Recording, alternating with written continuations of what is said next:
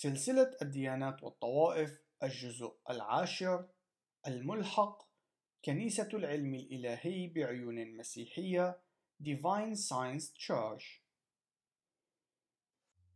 مقدمة تعتبر كنيسة العلم الإلهي فرعا من فروع العلم المسيحي. كما ويمكن أن يتم تصنيفها مع كل من حركة الفكر الجديد ومدرسة الوحدة المسيحية والعلم الديني ضمن مجموعة واحدة تحت تصنيف العلوم الذهنية.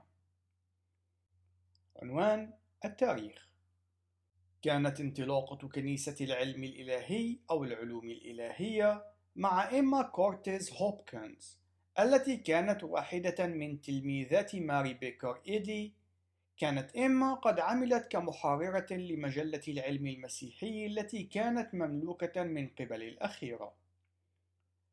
في وقت لاحق نشأ خلاف بين الاثنتين مما تسبب بالانفصال وبروز درجة من العداء وصلت إلى حد وسم ماري بيكر إيدي بالاحتيال. قامت إيما كورتيس على إثر ذلك بتأسيس المدرسة اللاهوتية للعلم المسيحي في مدينة شيكاغو، وهي المدرسة التي ستصبح في وقت لاحق مركزا لنشاطات مجموعة الفكر الجديد. بعد أن أجرت هوبكنز خدمة شفائية للسيدة فرانك بينغهام، قامت الأخيرة بتقديم عدة محاضرات في مقاطعة كولورادو، حيث كانت نونا بروكس واحدة من بين المتابعين. وبعد أن شفيت السيدة بروكس من مرض في الحلق ابتدأت تقوم بعلاج الآخرين إلى جانب شقيقتيها فاني وأليثا وقد ابتدأت بعد ذلك بدراسة وتدريس التعاليم التي سوف تتم قولبتها لتشكل بعد ذلك ما عرف تحت مسمى العلم الإلهي. في الفترة عينها كانت ميليندا كريمر تقوم في دنفر الأمريكية بتعليم أفكار مشابهة لتلك الأفكار التي كانت كل من هوبكنز وبينغهام تقومان بتدريسها. عندما انتقلت نونا بروكس إلى دنفر، استمعت إلى السيدة كريمر ومن ثم قامتا معا بتأسيس كلية العلوم الإلهية في العام 1898 ومن ثم قامتا في العام 1899 بتأسيس أول كنيسة للعلم الإلهي حيث كان يتم إجراء الخدم الطقسية في أيام الآحاد.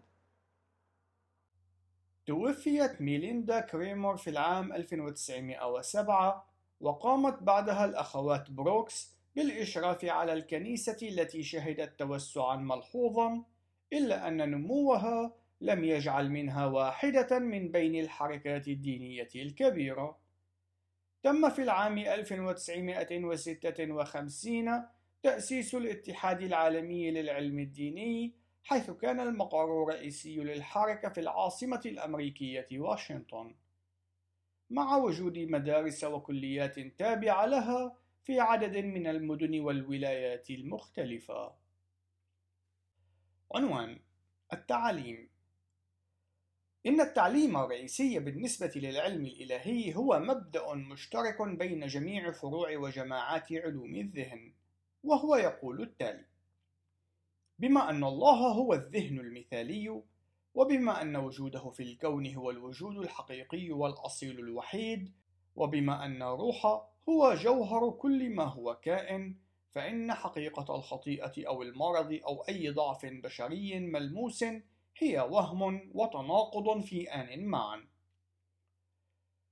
إن الشر في العالم وفي حياة الناس هو نتيجة لغياب المعرفة عن صلاح الله. إن القدرة الكلية والوجود الكلي ووحدة الله تثبت أن الشر ليس أمرا حقيقيا من حيث الجوهر. وقد تم إهماله إلى درجة أنه بات يعتبر كما لو أن ليس له وجود.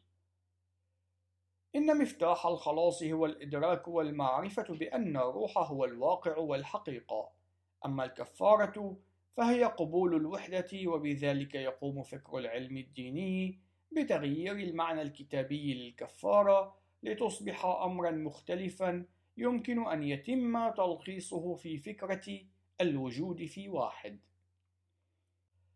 ومن ثم فإن الخلاص يصبح أمرا ممكنا عندما يشفى العقل من جميع المفاهيم الخاطئة عن الشر وعدم واقعيته. لذلك فإن الخطيئة الحقيقية الوحيدة التي لها وجود هي الجهل. يتم منح الثالوث المقدس المسيحي معنى جديدا في فكر العلم الإلهي. الآب هو مصدر ومسبب كل صلاح. ولكن هذا المصدر أو المسبب لن يكون بالضرورة من خارج الإنسان. وهو الأمر الذي يخالف الإيمان المسيحي.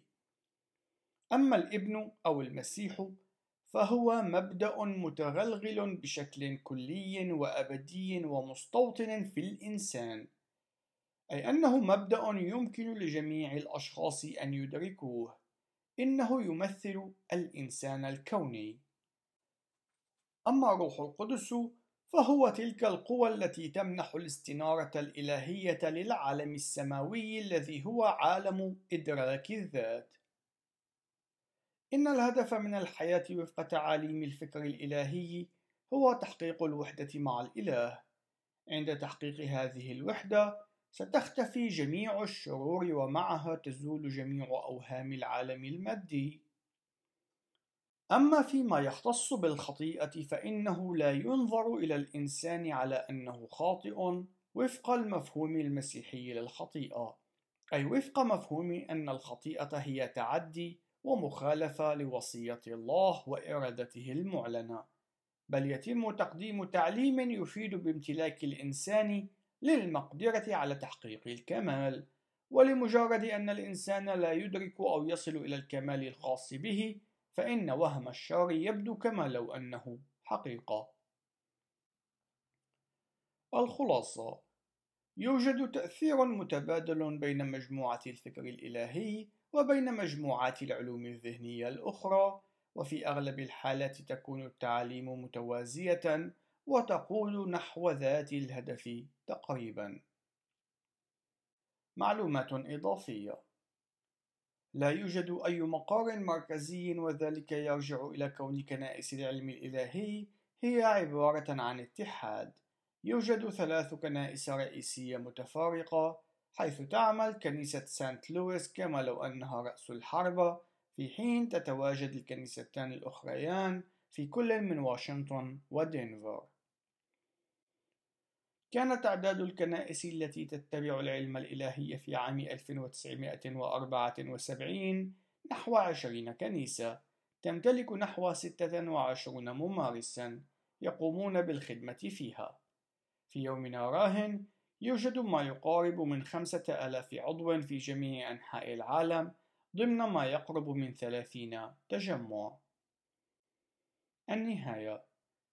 إلى اللقاء في الجزء القادم. ولنعطي المجد لله دائما.